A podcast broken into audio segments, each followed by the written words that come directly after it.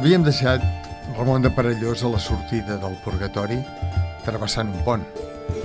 Un pont que ens porta...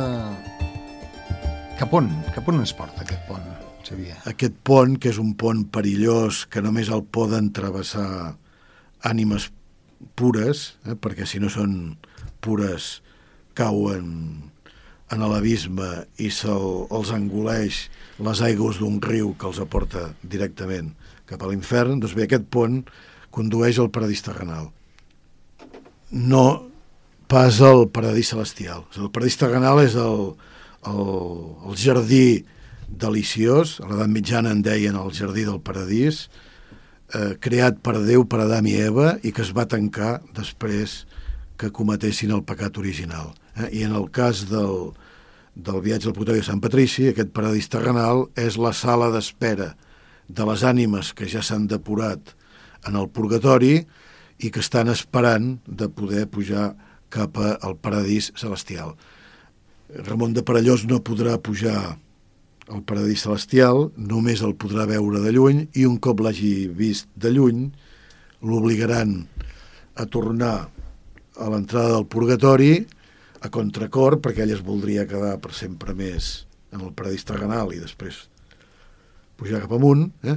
i des de la porta d'entrada del purgatori haurà de refer el camí de tornada primer cap a París i després cap a Avinyó eh? i així acaba el viatge al purgatori eh, de Sant Patrici, el relat de Parellós, que podria haver dit al final del seu relat o podria, a mi em fa pensar en un vers d'un poeta francès, d'un gran poeta francès del segle XVI, Joaquim de Dibelé, que diu «Feliç qui com Ulisses ha fet un llarg viatge». Ramon de Parellós va fer, com a mínim, dos llargs viatges eh, en, en aquest relat. En va fer molts més al llarg de la seva vida, però aquest relat en fa dos.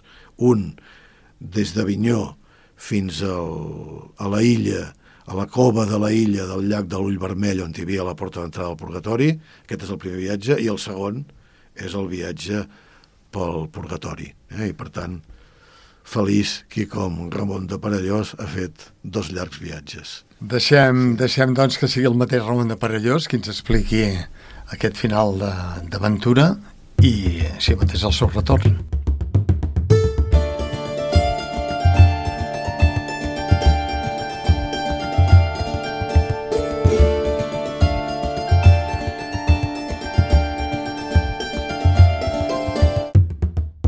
Quan vaig haver passat el pont, vaig donar gràcies a Déu per tota la protecció que m'havia dispensat i per haver-me alliberat d'uns perills tan grans i tan cruels.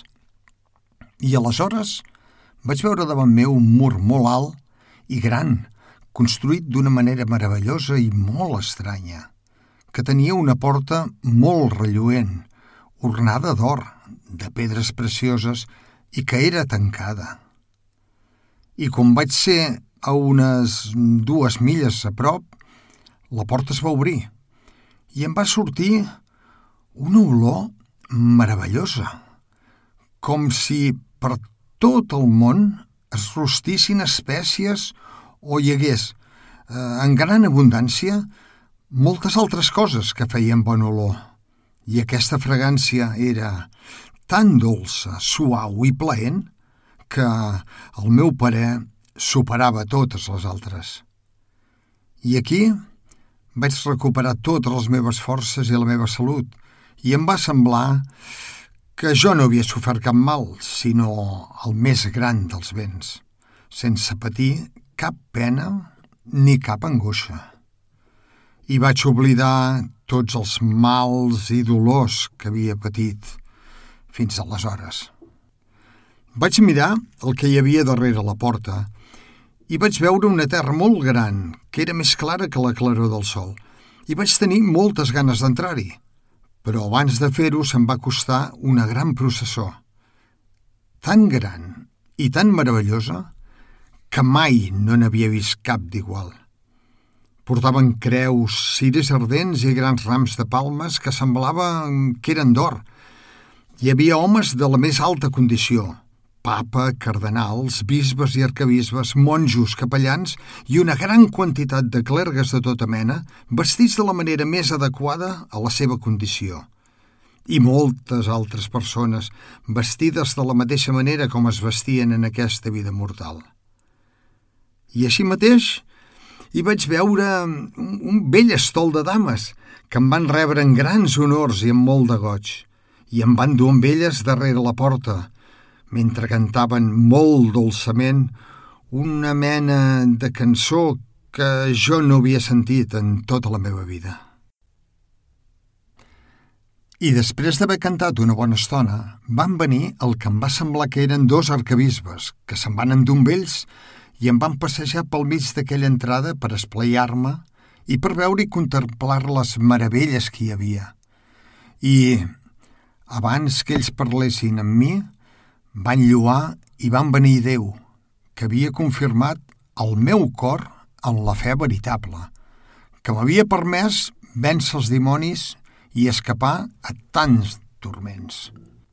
I aleshores em van conduir per tota aquella terra i em van mostrar tantes alegries, dolçors i plaers que jo no sabria explicar, ni descriure ni dir.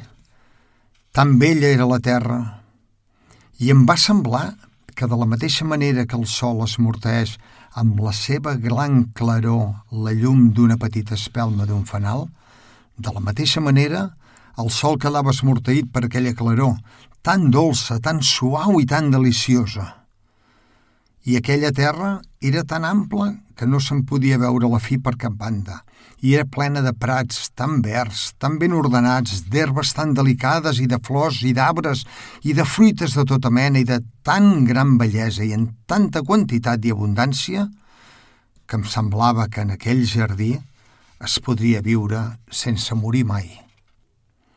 Allà dins no es podia sofrir cap pena ni cap enuig, perquè la subtil claror del sol hi relluïa amb molta força no crec que ni jo ni ningú hagi vist mai una tan gran multitud en lloc del món. La gent estava vestida com les persones religioses en els seus convents, cadascuna segons el seu ordre, i els uns i els altres anaven i venien al seu plaer per esplaiar-se, a consolar-se i fer-se festes, sense deixar de lluar i de glorificar el Creador. I així com un estel és més clar que un altre, així eren ells, perquè un anava vestit de robes d'or, els altres de verd, els altres de vermell i els altres de blanc, segons la manera com havien servit Déu en el món.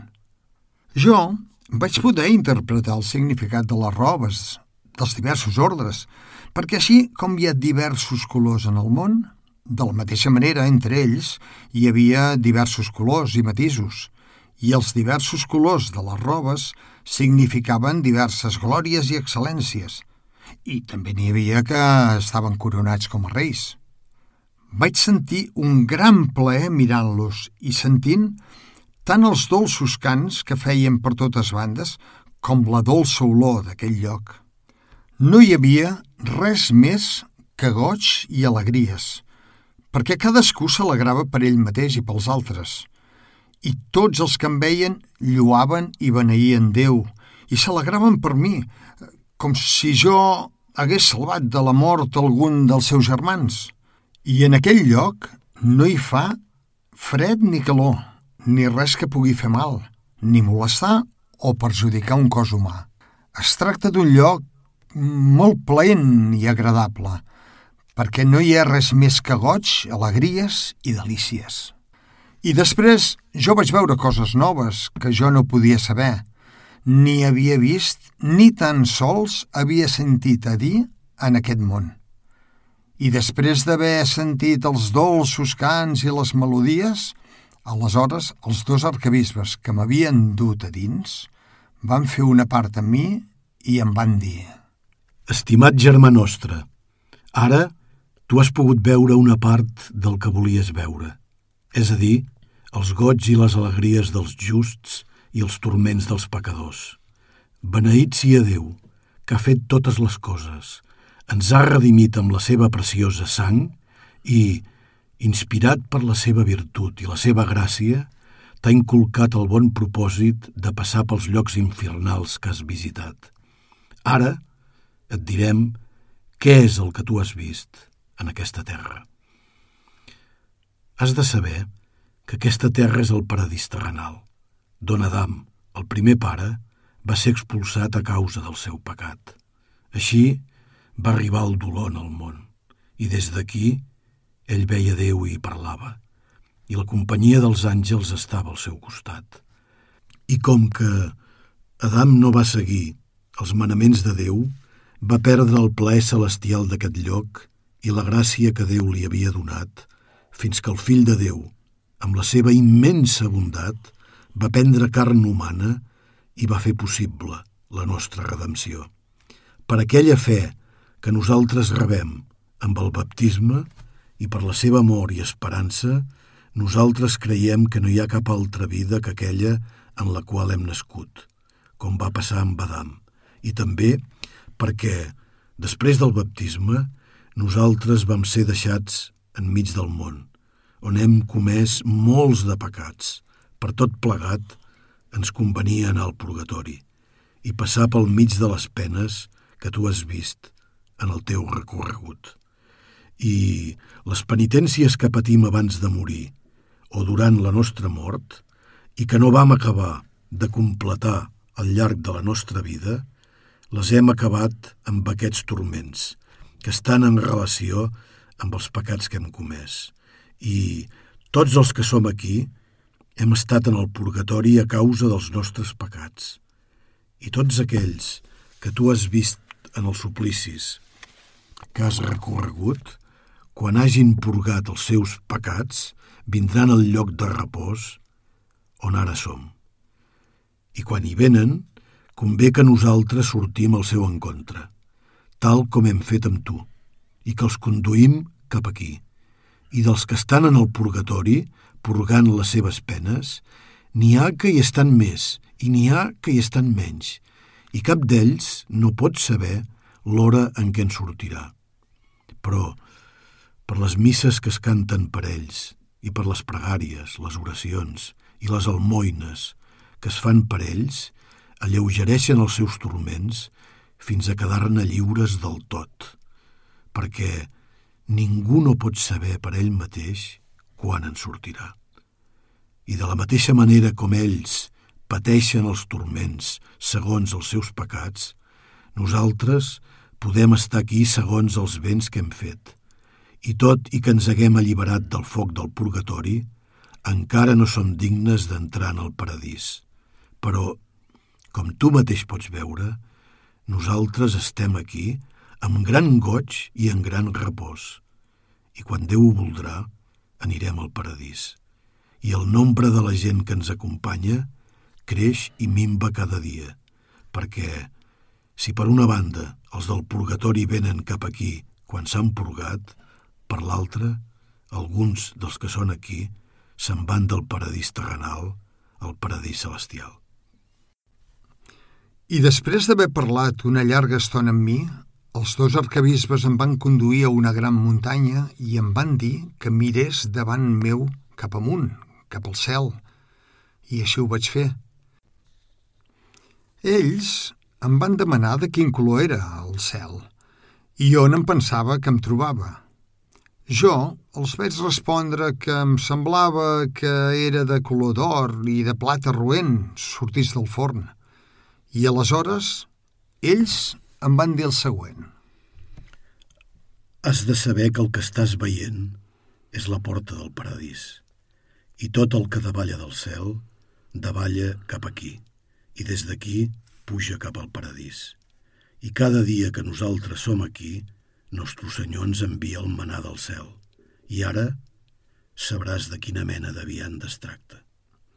I tot just acabaven de dir això, que una gran claror, com una gran flama de foc, va baixar del cel i em va semblar que aquella claror cobria tota la terra mentre baixava, en forma de raig per sobre dels que eren allà i també per sobre del meu cap.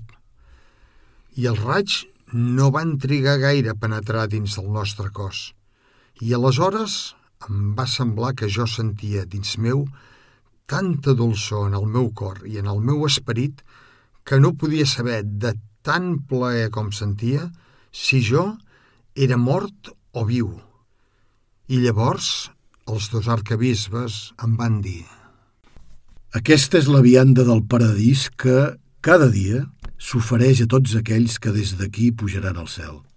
Si hagués pogut, jo m'hauria quedat de molt bon grat allí, però després d'aquestes coses tan dolces i tan plens, els dos arcabisbes em van donar unes notícies que em van doldre i entristir molt.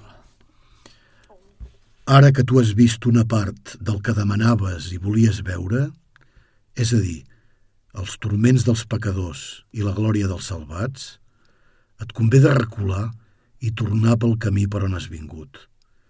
I, segons el que faràs mentre siguis en el món, si vius d'acord amb Déu, pots estar segur que vindràs amb nosaltres quan deixis la vida terrenal. Però, si dus una mala vida, cosa que Déu no vulgui, ja has vist quins turments t'estaran preparats, i en la teva tornada, els suplicis que has vist mentre venies cap aquí ja no et faran por. Ni els dimonis et podran fer cap mal, ni tan sols gosaran acostar-se a tu. I els turments no t'afectaran de cap manera. I un cop sentides les seves paraules, quan vaig veure que havia de tornar, no em vaig poder estar de plorar i de gemegar i, i, i tot somicant els vaig dir jo no m'allunyaré pas d'aquí, perquè tinc molta por que, si me'n torno, no faci res en el món terrenal que m'impedeixi de tornar cap aquí. I llavors, ells em van dir que... Això no depèn de la teva voluntat sinó de la d'aquell que ens ha creat a tots plegats. I llavors vaig recular, plorant fins a la porta, i ells m'hi van acompanyar, i jo, contra la meva pròpia voluntat, vaig sortir a fora. Ells van tancar de seguida la porta darrere meu i vaig refer el camí que ja havia seguit fins a la sala del principi. Cada cop que els dimonis em trobaven, acabaven fugint de la meva presència com si en tinguessin molta por. I ni els turments em van afectar ni em van fer cap mal.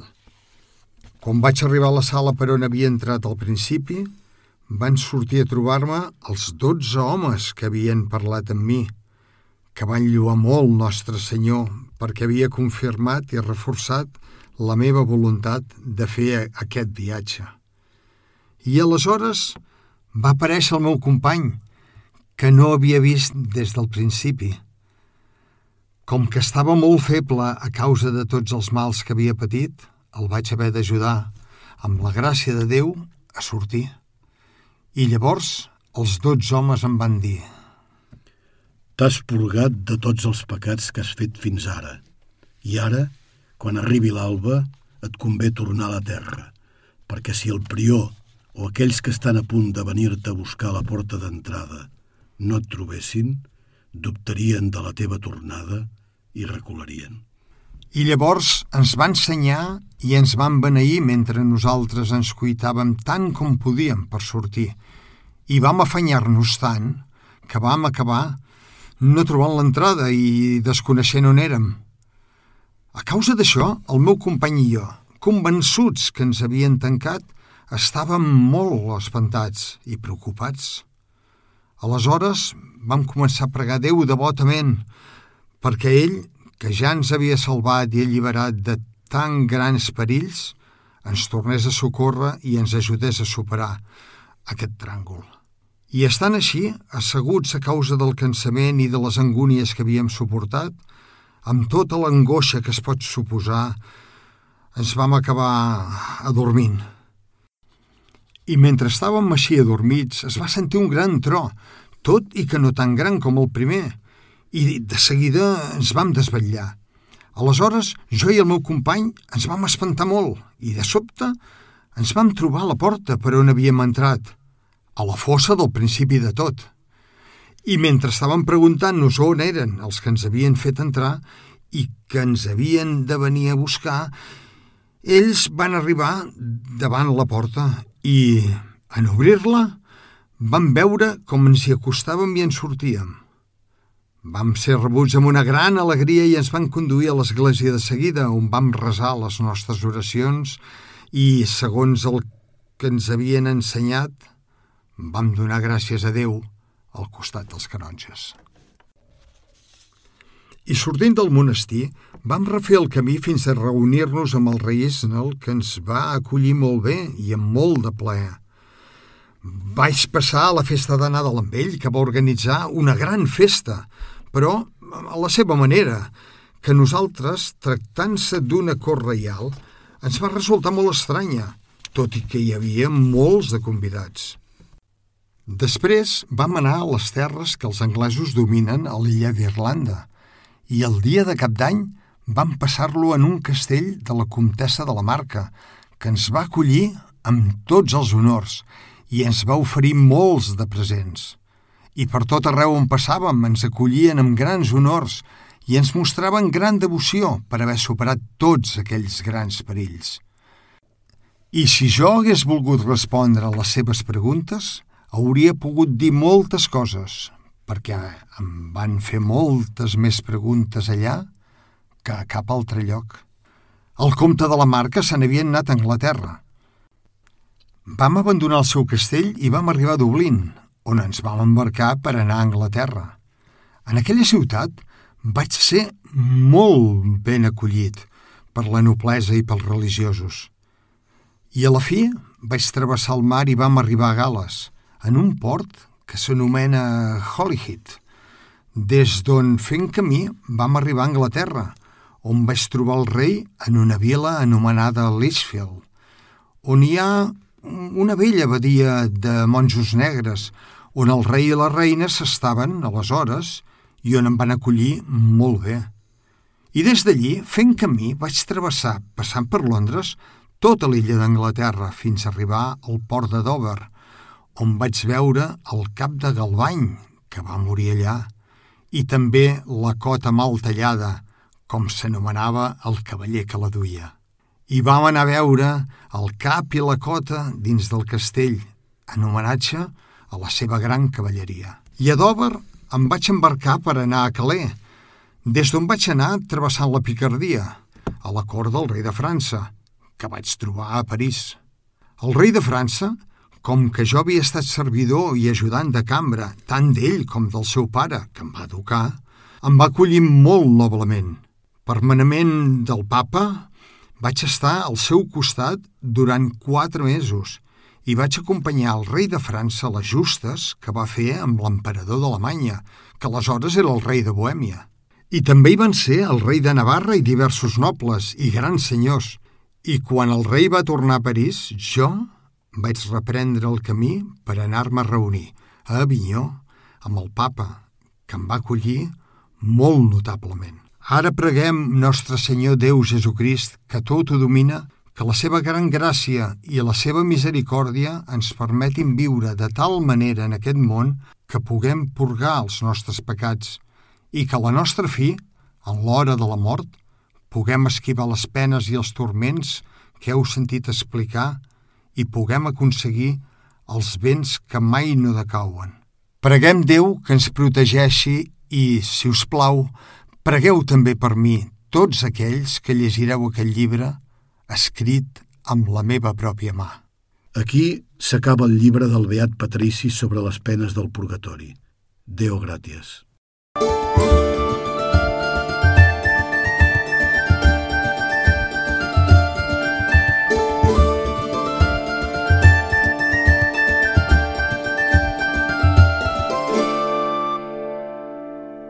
La gravació que acabeu d'escoltar s'ha enregistrat al Laboratori de Fonètica de la Facultat de Lletres i s'ha fet entre el 8 de juny i el 29 de novembre del 2022, coincidint més o menys amb el mateix temps que Ramon de Parellós va anar des d'Avinyó fins al llac de l'Ull Vermell. David Fernández i Glòria Ribugent s'han encarregat de la taula de so i el muntatge. La traducció del text al català modern és de Xavier Renedo i les veus que us han acompanyat són les d'Albert Martínez, Xavier Renedo i David Fernández, sota la direcció dramàtica de Mercè Mas. La gravació ha comptat amb el finançament de la Institució de les Lletres Catalanes, la Diputació de Girona, el Grup de Recerca de Literatura Medieval de la UDG i el Grup de Recerca Consolidat Cultura i Literatura a la Baixa Edat Mitjana. També hi han col·laborat l'Aula de Teatre, la Facultat de Lletres, l'Institut de Llengua i Cultura Catalanes, el Departament de Filologia i Comunicació i la Biblioteca de Lletres. La música o la sintonia que ens ha acompanyat és Celtic Impulse de Kevin MacLeod, disponible a Wikipedia Commons. I acabem així. Feliç qui com Ulisses ha fet un llarg viatge.